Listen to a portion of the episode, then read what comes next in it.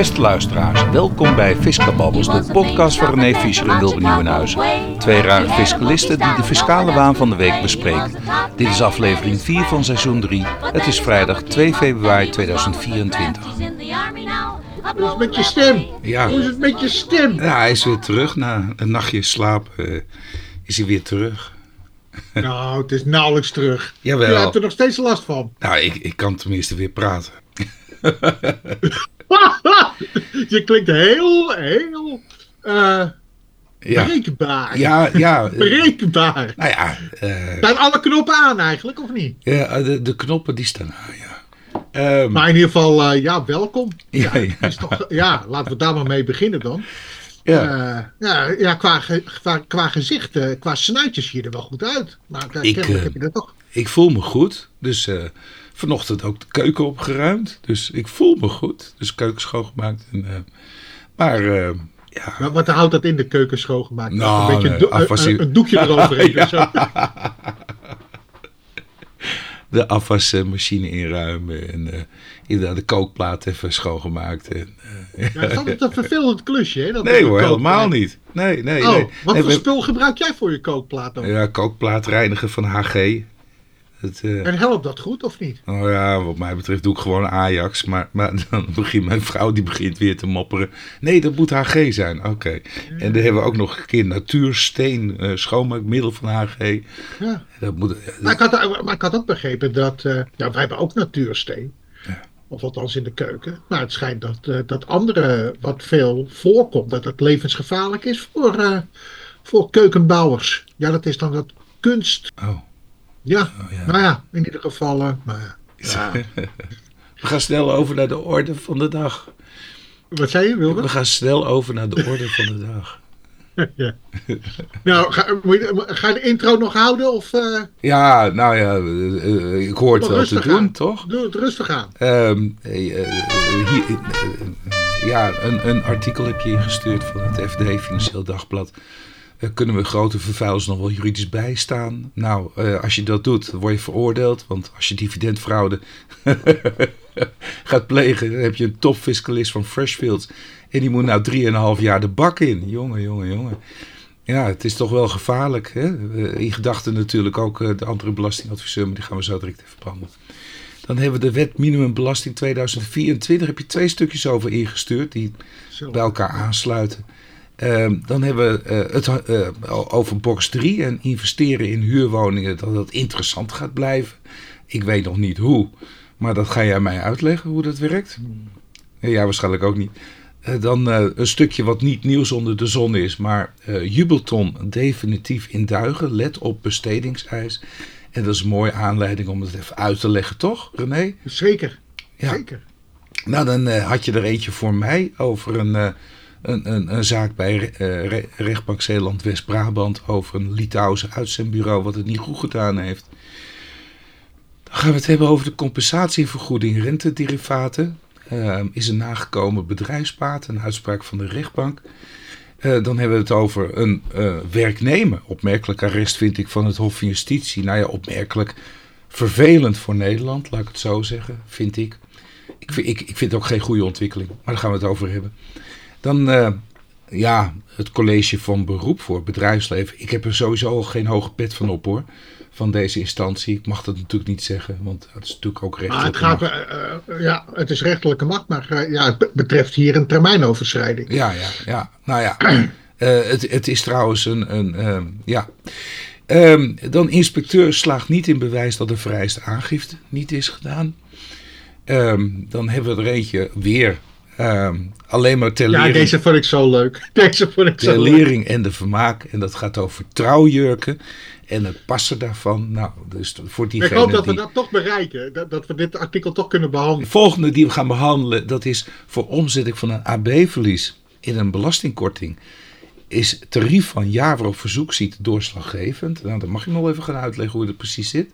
En tot slot, ja, ik vond het toch wel best wel. s- Jeetje, moet dat nou allemaal? Nou, eh, tuurlijk, het lijkt een groot bedrag, 50 mil, maar het gaat over een hobbymatig geproduceerde software. En het gaat over iemand die eh, aan het biljarten is. En, en die is al, al, al 15 jaar is hij lekker aan het knutselen met, eh, Zoals ik dat ook af en toe doe. Met wat software maken, in elkaar knutselen. En ja, dat, dat blijkt nu opeens een leuk programma te zijn. En wel makkelijk voor, voor de biljartbond. En die wordt nu in de heffing betrokken. Nou, toch best wel... eh, nou ja, ik hoop dat hij niks hoeft te betalen. Want hij is er toch een hele lange tijd mee Nou, bezig hij moet wel iets betalen, maar een stuk minder dan wat de Nou. inspecteur voorstelde. Maar goed, daar komen we zo direct op terug. Ja, dan gaan we Maar, het maar allereerst, eh, hoe was je week? Nou ja, goed, eh, jouw week was kennelijk ja, de Sound of Silence een beetje, of niet? Nou, het was wel leuk hoor. Ik had gisteren belde natuurlijk klanten me op. En dan neem je op en dan zeg je, hallo, met Wil. nou, dan zeggen ze, nou, dan doen we het wel via de e-mail. Dat, eh, ja. Maar ja, dat kun je toch niet laten. Dan kun je, ja, ik moet toch die telefoon. ik ben toch een nieuwsgierig, hè? Wat, wat is er aan de hand? Wat is er aan de hand? Maar ja, ja. ja. Maar, de, eh, maar wat ik dus in mijn omgeving verneem, Ja. is dat eh, heel veel mensen dus ook last hebben van, eh, van de griep. En dat duurt ook heel lang voordat ze er vanaf zijn. Oké. Eh, Nou, ik, ik, dus, ik, ik eh, vind het voor mij... maar door. Het suddert door. Ja, ja. Nou, bij mij gaat, is, is deze keer wel snel voorbij hoor. Het zal wel niet de gewone griep, want ik heb de griepprik gehad. Ik heb ook de coronaprik gehad. ik heb alle prikken gehad. ja. Ze prikken mij gewoon lekker altijd. Maar Ja, maar, jij, bent- jij ziet er ook een beetje groenig uit. groen. Oh. Nee.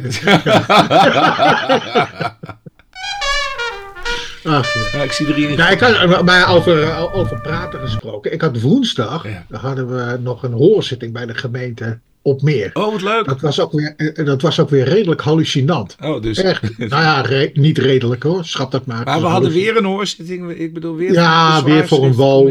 Ja, ja, nee, die bezwaarkosten kosten. ko- eh, eh, Oh, die is afgeschaft, hè? Nou, dat, dat is dan dus best wel vreemd. Ze, hebben- Oh. ze willen het nu ambtelijk afdoen. Wij komen daar binnen. In ieder geval, degene waarmee we dat gesprek hebben, is niet aanwezig. Dus Hè? we werden ontvangen door iemand anders. Oh, Nou ja, je begrijpt, daar krijg ik al een beetje van. Heb jij het dossier doorgenomen? ja. Dus, weet je, en ik ben natuurlijk ook zo'n zo'n pipo. Die Die dat dan zegt. meteen zich richt op degene die er nieuw bij zit. Ja. Dus de allereerste vraag is: joh, we hebben het hier eerst maar even de formele aspecten. A. eh, de termijnen kloppen niet, wat jullie in de brief zeggen. Klopt dat? Hè, wat voor termijnen? Hè? Waar heeft u het over? Ja, maar ik ben, ik, ben niet zo voor, ik ben niet zo voor het formele. U wel, maar u- ik, niet. Ik ben meer voor de praktische oplossing. Ik zeg, hoe wilt u dit praktisch oplossen dan? Ja. Hoe dan? Ja, nee, zo moet u dat niet zien. Eh, ik ben voor de praktijk. Nou, ik denk, joh, wat, Ja, maar dit nog. is zo gek. Dat is zo gek. Nou goed, in ieder geval, joh, wat, wat vindt u daarvan? Daar moet u een uitspraak over doen. Vervolgens, dit is dus een deelbesluit. Besluit 1 is ingetrokken en besluit 2 eh, eh, staat dus nu vast. Dus we hebben tegen deelbesluit 1 bezwaar aangetekend. En in artikel 619 AWB staat, joh, als jij dus bij het eerste deelbesluit bezwaar hebt aangetekend, is dat automatisch voor deelbesluit 2. Ja. Want, wat is, het, wat is het verzoek? Het verzoek luidde, joh, trek jij even eh, dat eerste bezwaarschrift in, want eh, we hebben is niet 2 meer van genomen. toepassing. Want we hebben al besluit 2 genomen. Ja, dan snappen ze het niet. Nee, ze hebben eerst verwezen naar artikel 619. En vervolgens zeggen ze, oh, trek nou ook nog even dat bezwaarschrift in. Nou, ik zeg, joh, hoe werkt dat dan? Ja. Want 619 zegt dat het automatisch is. Dus wij hoeven niets in te trekken. Nee. Waarom zouden wij iets in moeten trekken? Ja.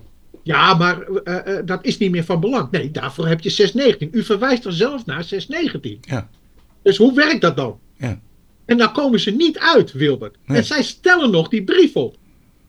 Nou, en vervolgens vra- eh, zeg ik van ja, maar dit is toch een hoorgesprek. Het is niet alleen maar aanhoren. Maar dit is een vorm van een gesprek. Dus ik, ik stel wat en dan ge- reageert u daarop. ja, Maar als u niet reageert, ja, wat heeft dat dan voor zin? dan heeft het geen zin. Dus die.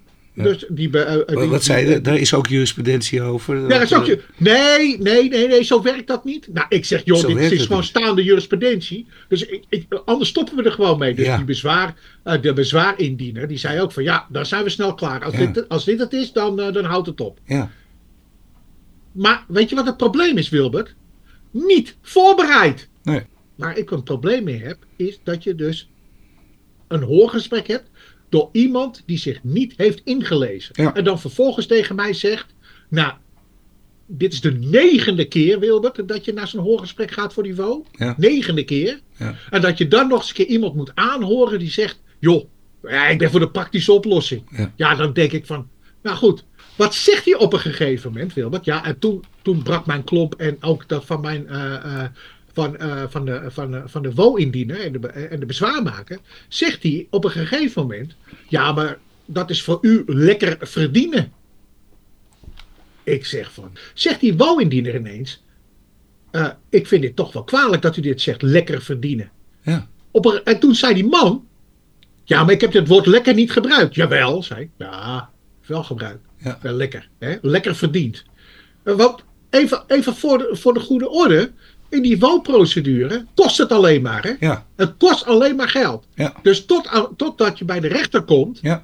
eh, en, en ook nog eens een keer. Dan pas kom je in aanmerking voor proceskostenvergoeding. Maar Ja. alleen maar voor dat gedeelte. Hè? Ja. Dus er is- geen bezwaarkostenvergoeding of iets dergelijks.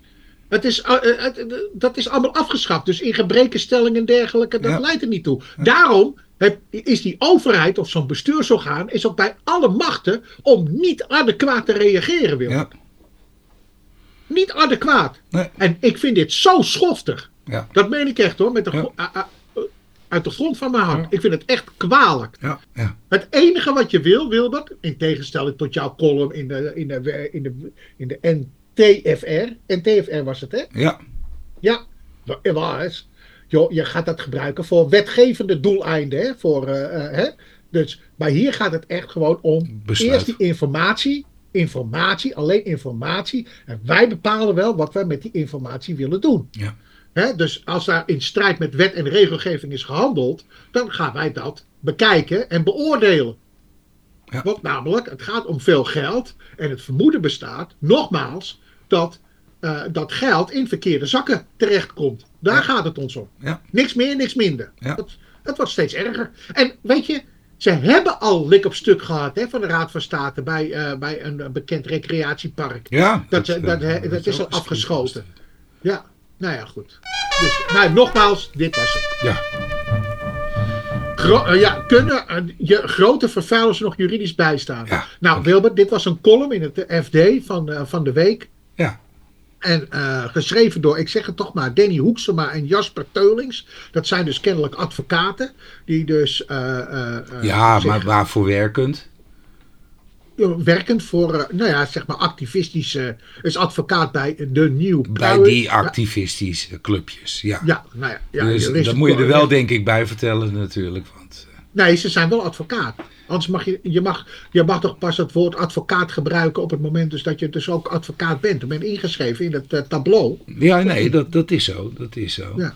Dus dan heb je toch eh, in ieder geval iets van een rechtenstudie gehad. Ja, maar die Jasper Teulings is volgens mij geen advocaat, toch?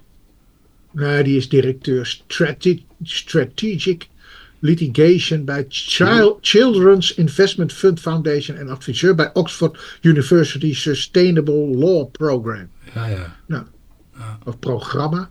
Program. Oké, nou. Maar in ieder geval, waar het hier om gaat is dat zij vinden dat eigenlijk als er sprake is van milieuvervuilers, ja. dat die niet verdedigd zouden mogen worden. Ja. Dus dat je daar ook geen advieswerk meer mag Nou ja, worden dan vind ik ook dat alle criminelen moeten ook maar niet meer eh, verdedigd worden. Verdedigd mogen worden. verdediging, eh, Ja. dat bestaat Verliezen. natuurlijk niet meer. Nee. Kijk, want namelijk de vraag is in, dit, eh, in deze... Hey, dat wordt wel makkelijk in Nederland. We hebben helemaal geen verdediging meer voor iedereen. Iedereen wordt veroordeeld. Dus, Maar luisteraars, de vraag die in, dit, in dit, deze column wordt gesteld is: kun je grote vervuilers nog juridisch bijstaan? Is het nog juridisch houdbaar om bedrijven bij te staan die de klimaattransitie tegenwerken? Ja. Nou ja, hoeveel open termen zit er al in die zin? ja. Juridisch houdbaar om bedrijven bij te staan, ja, die de klimaattransitie, klimaattransitie, wel- welke klimaattransitie, bij te staan. Ja. Ja, het is echt. Oh, wat. Ja, en, en- en daar gaan mijn haren recht van overeind staan als ik dit lees. En de argumenten die ze dus aandragen, waarvoor zij vinden, dat snijdt geen hout. Ik vind het echt verschrikkelijk. Dus stel dus dat er een Fiat-onderzoek komt, Wilbert. Stel, hè? Fiat-onderzoek Ja. bij jou. En jij vraagt aan mij, joh René, eh, ik heb dit rapportje gekregen, wil je er naar kijken? Ja, nou, dat mag dan niet. Mag dat niet. Nee. Nee, want jij wilde iets met de klimaattransitie. Nou ja, ik kan me niet voorstellen wat dat zou kunnen zijn. Nou ja, misschien een andere ketel. Nou nee, maar ik bedoel, nu gaat het over de klimaattransitie. Ja, Maar je kunt willekeurig ieder andere eh, onderwerp kun je erbij nemen. ja, En dat zou je Precies, dan niet meer recht op verdediging hebben. Nou, ik, Ja. ik, als het een echt een advocaat is, dan, eh, nou ja, dan. Maar iedereen heeft toch recht op een verdediging? nou ja, om, En dan om moet zich dan- bij te laten staan. Ja. Iedereen heeft recht om zich bij te laten staan. Het staat toch niet... Maar als de verdedigers niet meer dat mogen, dat is toch bizar? Dus je mag niet meer als advocaat mag je inzetten voor, voor, voor ja, want eh, dat is niet meer, eh, hoe had hij het ook weer? Hun eed dicteert immers dat een advocaat geen zaak zal aannemen. aanraden of verdedigen die hij in gemoede niet geloven rechtvaardig te zijn. Dank je, ik kon het niet Ja. meer. Nee, maar snel door, snel door. want dit soort onzin eh, kunnen we niet aanhoren, toch? Ja, dit is dus eh, eh, een artikel uit het FD. Topfiscalist Freshfield moet 3,5 jaar Duitse cel in voor dividendfraude. Ja. Nou, dit gaat dus om. nou ja, Jo- Johanneman. Ja, Ulf Johanneman. eh, advocatenkantoor Freshfield Broekhuis Der- Deringer. Eh, en die is dus veroordeeld voor 3,5 jaar. En waarom? Dit omdat hij belastingfraude met effectenhandel rond de dividenddatum, oftewel cum-ex transacties via zijn diensten mede mogelijk maakte. Nou goed, ik weet, eh, dit is dus dat dividendstripping hè, waar Ja. ze dat eh, dan over hebben. En kennelijk was het in deze situatie eh, ja, zeg maar, toch een topfiscalist van 52 jaar. Die bedrijven adviseerde over het terugvragen van belasting. En nou ja, via dat geschuif met eigendom is het dus kennelijk mogelijk om dividendbelasting terug te vragen van belasting die niet is afgedragen. Nou, Dat is kennelijk eh, de, de reden. Nou ja, goed. eh, dit is de methode. Nou, en in Duitsland ja, vindt men dat dus een strafrechtelijk iets. Hè? Eh, en de vraag is, hoe is, ja, hoe, nou ja, goed, in mijn advisering is natuurlijk dan ook de vraag, hoe bedenk je het zelf dat op het moment dus dat jij dividend gaat terugvragen van iets wat niet is afgedragen, waarom denk je dat dat dus legitiem zou zijn? Dat, dat is toch bij mij, ja, ja. en misschien is dat een domme opmerking hoor, dat zal wel. Eh, Nee, maar je vindt, ja, het, je vindt het ook wel echt fraude. nou, dat, het, het voelt niet goed in ieder geval. Het is hetzelfde als met zo'n BTW-carousel. Ja. Ik noem maar even wat. Ja. Je gaat BTW terugvragen van geplofte BV's. Ja. Nou, dat is toch ook niet dat je denkt van, nou weet je, dat is. eh, dat gaan we doen. Kijk, je kan, kijk, je- kan met eigendom en, en, en, en- waardes. Nou, daar, je kan je alles gaan, van zeggen. Dat gaan we doen, eh, maar daar gaan we aan meewerken. Want dit is een, een, een, een fiscalist en die heeft dit geadviseerd. En bijna tot al het allerlaatste hield hij nog vol dat het allemaal wel geoorloofd was. Ja. En daar werd die rechter toch wel een beetje boos op. Zeker. Ja, de rechter die werd daar boos op. Ja. Ja. Hij zei Maar dat, goed. dat, dat de fiscalist tot het laatst, alsof hij een goal in blessuretijd verwachtte, had gewacht met zijn bekentenis. Dus hij zegt, nou, je kon wel heel laat dat je het verkeerd hebt gedaan. Ja. Ja, nou, dat, Maar, dat en uiteindelijk heeft hij het ook bekend dus ook. Ja. Ja, ja. Oké, Maar ja, goed. Ja, ja, maar, maar dat is wat anders dan natuurlijk het verhaal natuurlijk van, van eh, onze fiscalist die nu in de Amerikaanse cel zit. Hè? Ja, dat is, dat is van een geheel andere orde. Dat is een heel andere orde. Dus dat, dat kun je niet met elkaar vergelijken? En volgens mij ging het daar over de fiscale woonplaats, toch? En zo. Ja, van Afrocheck en zo, toch? Ja. ja. En dat is een andere discussie. Dat is niet. Ja. Be- ja, kijk, hij draagt ergens belasting af. Alleen de vraag is waar. Ja. En die Amerikanen, die vinden. Ja. maar ja, zo arrogant zijn de Amerikanen ook. Maar, eh, ja, bij ons, hè? ja. Ja, maar goed. Nou, dan eh, wet minimumbelasting 2024, 15 procent. Ja, over interpretatie en de rol van unierechtelijke beginselen. Ja, en, en er zat Ja. een ander artikeltje bij eh, van, van jou. En, en dat was ook weer het Financieel Dagblad. Eh, en dat gaat de wet minimumbelasting doet ons verdienvermogen geen goed. Precies. Kijk, en we hebben het er in onze eerdere podcast ook over gehad. Al eerder over gehad. En dat gaat over die wet minimumbelasting. Dat zijn twee artikelen, twee Ja. columns eigenlijk. Eh, deze is geschreven door Siska Wisman. uh, medewerker van het tijdschrift uh, Nieuws en schrijft columns in rubriek Uitvergroot. Nou, en goed. ze geeft les bij de Universiteit van Amsterdam, collega. En ze geeft les, ja, ja, ja. ja. Uh, in ieder geval zei ze het ook van, uh, zei ze eveneens met ons van mening, en het krantenartikel overigens ook, ja. dat, ja, dat, dat er, weet je, ze proberen gelijke, uh, een gelijk speelveld te maken.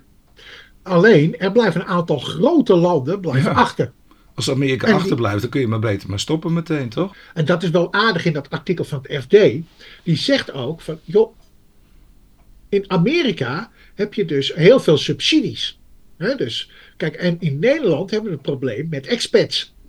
En die ASML die heeft al gezegd van nou, weet je, nadat al diverse uh, grote industrieën weg zijn gegaan, beursgenoteerde vennootschappen, Shell, uh, Unilever, dat ASML ook zegt van nou, als de groei niet in Nederland kan plaatsvinden, omdat wij te weinig personeel kunnen vinden of iets dergelijks, ja, dan moeten wij ons uh, vleugels spreiden. En die willen heel graag, zeker voor dit soort uh, innovatieve investeringen. Investeringen. Nou goed, dankjewel. innovatieve investeringen. Dat, en, en ook de subsidies die ze Amerika kunnen krijgen, dat ze dan toch voornemens zijn om weg te gaan. Ja, dat is natuurlijk een hard gelach. En bovenop dit natuurlijk. Ja, het gaat gebeuren hoor. Het gaat gebeuren. Kijk, en wij hebben natuurlijk ook een probleem met die 35% uh, uh, re regelingen. Die, of 30%. Eh, ja, vroeger was het 35%. Ja. Oh, een ja. heel lange tijd terug. Ja, dat is alweer een heel lange tijd. En nu is het 30, 15, 10 of zo, geloof ik, is het geworden. nou ja, het is. Uh... Maar ja, goed, je ziet dus ook dat wij als. Kijk, één belangrijk iets om ergens te vestigen, dat zou ik ook uh, hebben als ik een groot investeerder was, is rechtszekerheid. Hè? Ja. Dus niet dat elke keer de wet verandert. Ja. Want ja, want je gaat er toch voor een meerdere jaren aan. Nou, dat is in Nederland ver, ver, ver te zoeken. het wordt steeds uh, ja, diffuser. Zeker als je die regelgeving telkens jaarlijks gaat wijzigen. Ja. Nou ja, goed. Ja, goed. Nou, René, even box 3. Uh, begon met dit artikeltje. Ja. kabinet neemt maatregelen zodat investeren in huurwoningen interessant blijft. Ja. En heb jij ehm, gezien in het artikel, Wilma? Nou, ik vroeg me af wat er dan gaat gebeuren. Wat, wat doen nou, ze dat staat er niet in het artikel dus. Nee. Er wordt alleen maar gezegd van... In het, uh, uh, wat wordt er gezegd? Nou, dit gaat over de uh, toekomstige box 3 stelsel. Ja. En dit is een bericht van minister De Jonge van Binnenlandse Zaken en Koninkrijkrelaties. Dat je denkt bij jezelf, huh? Oké. Wat doet iedereen mee? Ja. Wat doet iedereen weer mee? Nou, echt, Binnenlandse Zaken. Nou goed, dat is niet eens van woningbouw. En voor de rest staat er niks in. Behalve dan dat, wat ik al eerder heb gezegd, dat uh, de box 3 uh, eh, woningen, uh, in particulier bezit uiteraard, die ja. verplaatsen naar box 3. Maar wel dat er dus een werkelijk rendementsheffing plaats zal vinden. Ja. Maar, en dat zou dan bedoeld zijn ermee? Nee, dat, dat ja, ik weet niet of dat nou voordelig is. Maar, ja. Is toch raar? Dat is heel raar. Jubelton, definitief in duigen. Let op bestedingseis. Nou, eh, eigenlijk een schot voor open doel. Maar kennelijk moet dat toch nog even onder de aandacht worden gebracht. Het, de, ja, ja ik, ik weet, weet, niet wat. Uh, bron, legal en tekst Nationaal Nederlander. Oh. Ja, ja. Het is blijkelijk iets dat Nationale Nederlander uh, de, de, de Ik denk dat dit uh, bedoeld is voor uh, product placing, of niet? Ja. In een wetenschappelijk blad. Ja. En zullen ze wel voor betalen, denk ik, of niet? Ik hoop het. Ja, is gewoon een advertentie, een advertorial. Een oh, advertorial. Nou, en die gaan wij behandelen. Toch, toch wil nou, jij hem wel behandelen. Want ja, kijk, het gaat hem even om die bestedingseis. En dat is best wel van belang. Kijk, je, eh, je kon schenken in 2022. Hè? Dus, uh, dus uh, in 2022 kon je nog het laat schenken. 2023 kon dat niet meer. Dat Jubelton afgeschaft. Maar, maar je moet nog steeds, als je dus in 2022 hebt geschonken, dat bedrag, moet je dat bedrag wel gebruiken om voor de Jubelton, of voor de eigen woning, sorry. dus als je dat dus niet doet, dan valt dus dat hele bedrag onder de schenkbelasting. Maar er is hier niks veranderd. Het is gewoon. Nee, er is niks veranderd. Het is leuk om het onder de aandacht te brengen. Dat is het. nou, ik schrap Gaat dit je lukken, denk je, Wilbert? Verlening huisvesting aan werknemers in dienst onder bezwarende titel. Het is een uitspraak van uh, uh, uh, rechtbank Zeeland-West-Brabant, 22 januari 2022. nummer 22 BRE 22 schrap slash 2340, 2340 en verder. Um, en, en, jij zei van, wat, wat, hè, wat voor bijzondere teruggaafprocedure is dat nou? Ja. Schreef je er geloof ik bij, toch? Ja. Nou, waar gaat en het om? het gaat om een, de BTW Het- op de kosten van huisvesting. Vraagt X terug via de speciale teruggaafprocedure van 31, lid 1 en lid 3, wet OB 68. Eh, maar ik, in mijn herinnering, werd, eh, dus de artikel 31, dat is toch dat onder bezwarende titel iets overdragen of niet? Nee, ja, dat- de, wat ben jij toch... eh, dit, dit is echt van 15 jaar geleden dat we dit veranderd, veranderd hebben. Oh, echt waar? Oh. Artikel 31 oud was inderdaad wet OB. was overdracht van een onderneming. Ja, maar dat is al jaren 37D. Niet lachen. Je wordt oud, man. Maar het zat er wel goed in. Was er wel ingeramd. Ja, ja. Hey, goede docenten gehad. Ja. Ja, ja. Nee, Ja. dit, wat, waar gaat het om? Eh, dit, dit is een Litouws eh, uitzendbureau die personeel uitleent eh, in Nederland aan Nederlandse opdrachtgevers. En dat personeel, ja, dat moet natuurlijk hier ergens ondergebracht worden. En ze hebben dus voor, zorg, voor gezorgd dat de, dat de huisvesting is. Een soort pensionnetjes. Ehm, short stay noemen we dat dan ook. Eh, eh, ze krijgen op die short stay krijgen ze BTW in rekening gebracht. En, en ze maken andere kosten om die, die werknemers eh, in Nederland te laten verblijven. En die BTW claimen ze vervolgens terug. En hoe doe je dat? Want in Litouwen, in, in, in, van vroeger, van vroeger, ga ik even vroeger, toen nog artikel 3131 was, Oh, toch? Oh, oké. Ja. Ja, noemden wij dit een achtste richtlijn teruggaverzoek. Oh ja. Ja, ja, ja. ja. Je, had, je hebt een achtste richtlijn teruggaverzoek, dat is voor EU-ondernemers. Je hebt een dertiende richtlijn teruggaverzoek, dat is voor niet-EU-ondernemers. Dat wanneer ondernemers uit het buitenland lopen aan tegen Nederlandse btw-voorbelasting, dan kunnen ze die terugvragen door middel van een teruggaverzoek. En dat is deze. Dat hebben we nu neergezet in artikel 31. En hoe werkt dat praktisch? In Litouwen hebben ze natuurlijk ook zijn ze geregistreerd voor de Litouwse BTW. Kun je via de Litouwse belastingdienstportal kun je een teruggaverzoek indienen. In je Litouwse taal. Oh, oké. Sturen die jongens alleen maar door hoor, naar Nederland toe als, als de, de, de, de eerste toestek kritiek kan eh, doorstaan. En, en dan wordt het in behandeling genomen. En hier zegt de re- rechtbank Zeeland-West-Brabant, ja, dat is leuk dat je dit doet, maar dat kun je alleen maar doen, ja, als je namelijk helemaal niet in Nederland belastingplichtig bent. Maar hier word jij wel Nederlands belastingplichtige. Want wat gebeurt er namelijk? De- de- deze huisvestingskosten, die brengen zij in rekening aan de werknemers. Hé, hey, dat is een prestatie die is belast met BTW. Met andere woorden, jij moet eerst BTW berekenen en voldoen. En dan mag je daar de BTW die je in aftrek wil, wil brengen, op in mindering brengen. Dus je krijgt niet een eh teruggaaf. Dus eigenlijk wel een logisch, eh, logisch verhaal. Ik vind van wel, ehm, maar ja, ongetwijfeld. eh, Nou, dit, dit artikel gaat, de volgende artikel, even de, de tuner van compensatievergoeding rentederivaten is nagekomen bedrijfsbaten. Het is een uitspraak van rechtbank Zeeland-West-Brabant, eh, zaaknummer 23 slash rap 2, eh, eh, 2220 van 18 januari 2024. En het betreft het volgende. X exploiteerde met haar in 2009 overleden echtgenoot in maatschapsverband een agrarische onderneming. In 2011 verkoopt X de onderneming inclusief het bedrijfsvastgoed aan een derde en is de financiering bij de Rabo afgelost. In 2020, ja, Wilbert, nee, ontvangt X van de bank alsnog 299.383 euro als compensatievergoeding voor de rentederivaten die onderdeel van de financiering waren. Nou ja, goed, eh, ze, ze exporteerde een, een, een, een volgens mij een akkerbouwbedrijf, een boerenbedrijf, ja.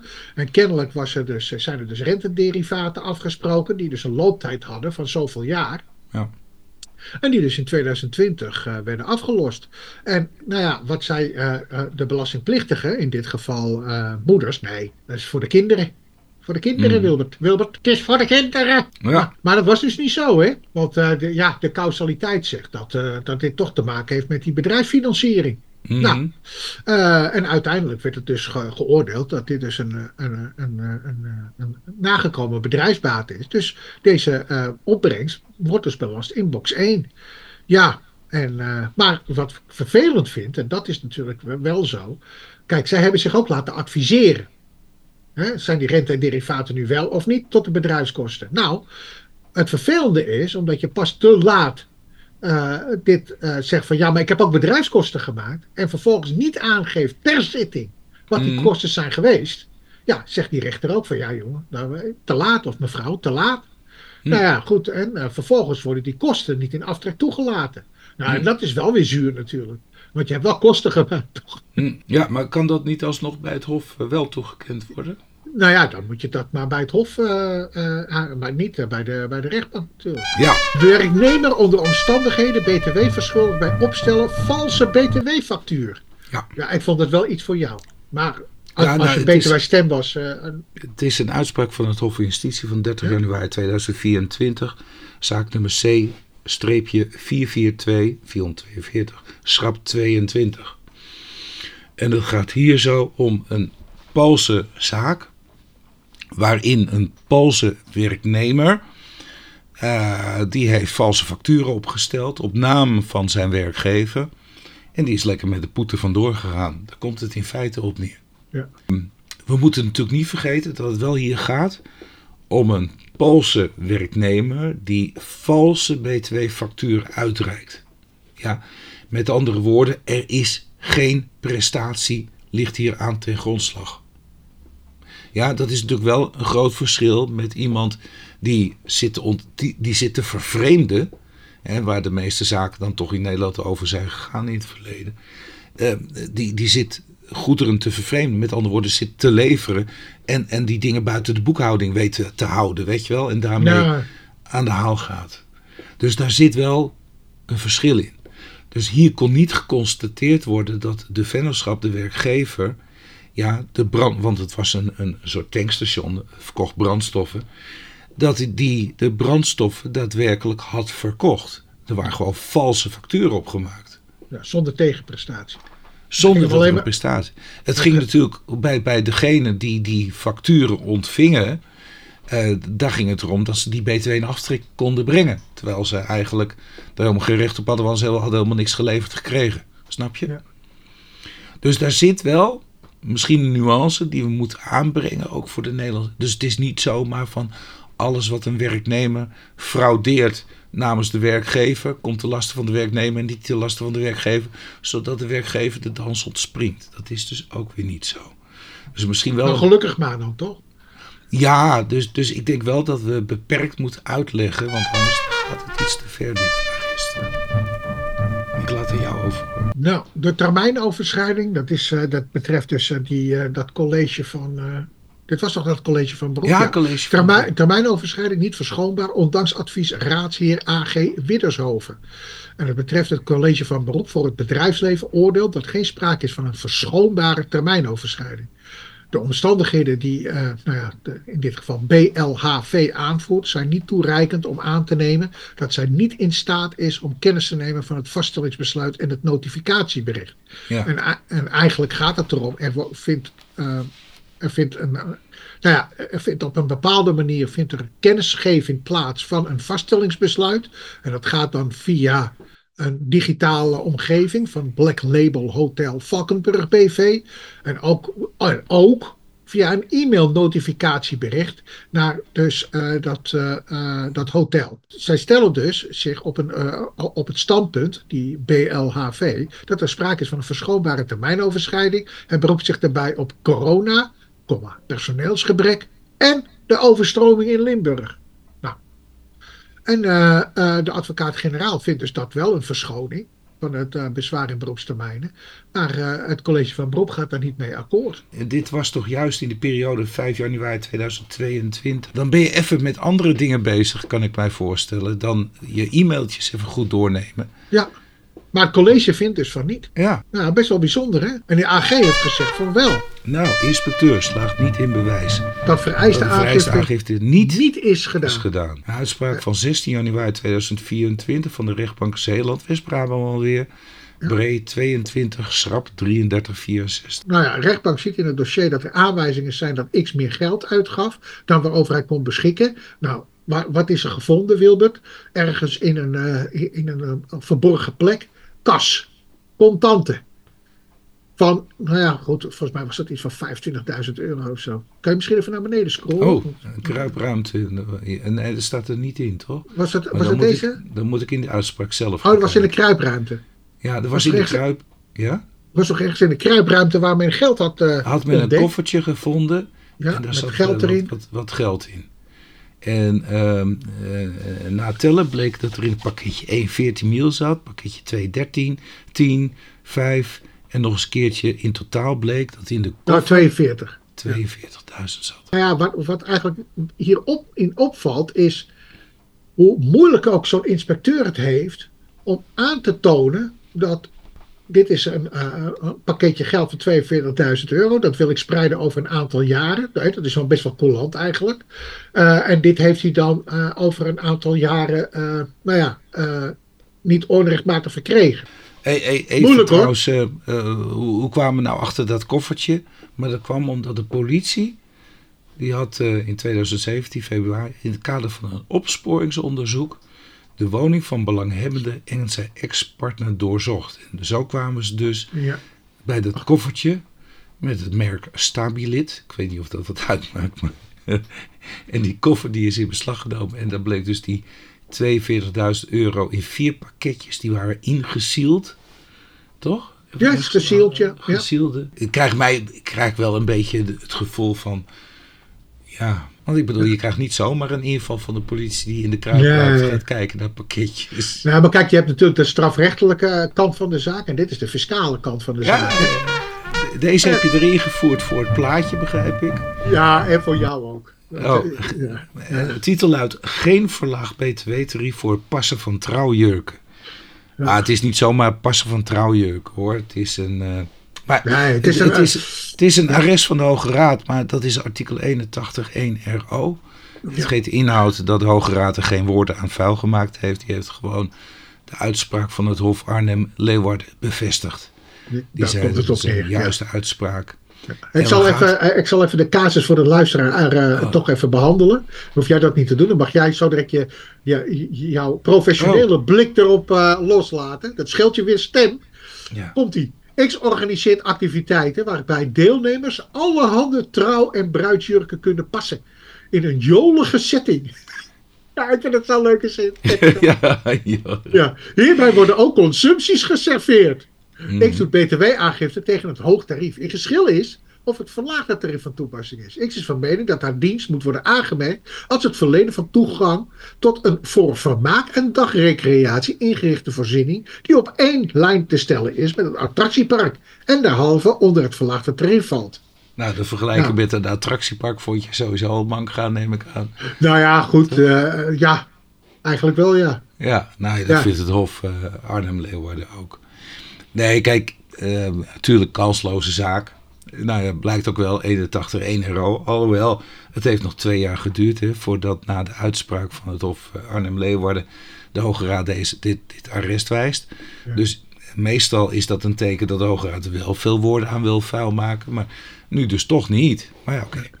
Ehm, to- toch wringt hier wat, hè, René? Ja, voelt ook, ja, ja. Want, je, ik bedoel, je zegt het zelf al, in een jolige setting. Dus ja, nu is het trouwkleding, maar als het een escape room is, ja, dan zeggen we wel van, hé, hey, dit is eh, voor permanent een dagrecreatie ingerichte voorziening, voor vermaak.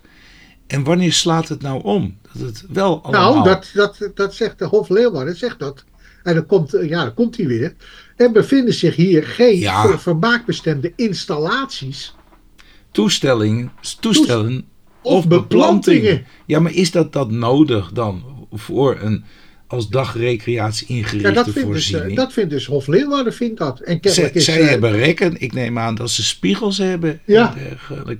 Paskamers neem pas- ik aan. Ik neem ja, aan. er kan- ja. Dus Er is in ieder geval een, een, een ruimte ingericht om, eh, ja, Om toch daar- gepast die eh, trouwjurken te passen, lijkt mij. dat En er wordt ook nog, eh, het zal wel iets van een barretje zijn, het zal glazen zijn. Ja. En Maar kijk, ja, Nu, nu, nu gaan we dus ook weer hè, zeggen van. eh, eh, ja, maar dat is dan toch niet. En, en, en, terwijl ik denk, ja, eigenlijk moet je het wat breder trekken. Dat je, dat je, moet het nou echt zo iets dat het permanent voor. Dit is duidelijk voor vermaak. het toch? is voor vermaak. Ja, En blijkelijk heeft de wetgever, ja, die heeft nu natuurlijk hier die woorden aan toegevoegd. Dat het moet ingerichte voorziening en dergelijke, dat het moet hebben. Maar dat leidt tot zoveel discussies. Dat ja, misschien is het. En, en, en ja, eh, het, ik zal niet zeggen, het, het, het concurreert natuurlijk met een, met een escape room. Maar ik, ik vind wel dat er inderdaad wat voor te zeggen is van waarom heeft de wetgever niet even wat breder opgesteld, zodat je die discussies niet hoeft te krijgen. precies. Maar oké. Of, Kansloze zaak hoor, je, had, van, maar- je had wat een amusementspark is, of wat zou een amu- amuseme- amusementspark zou zijn, had je moeten definiëren.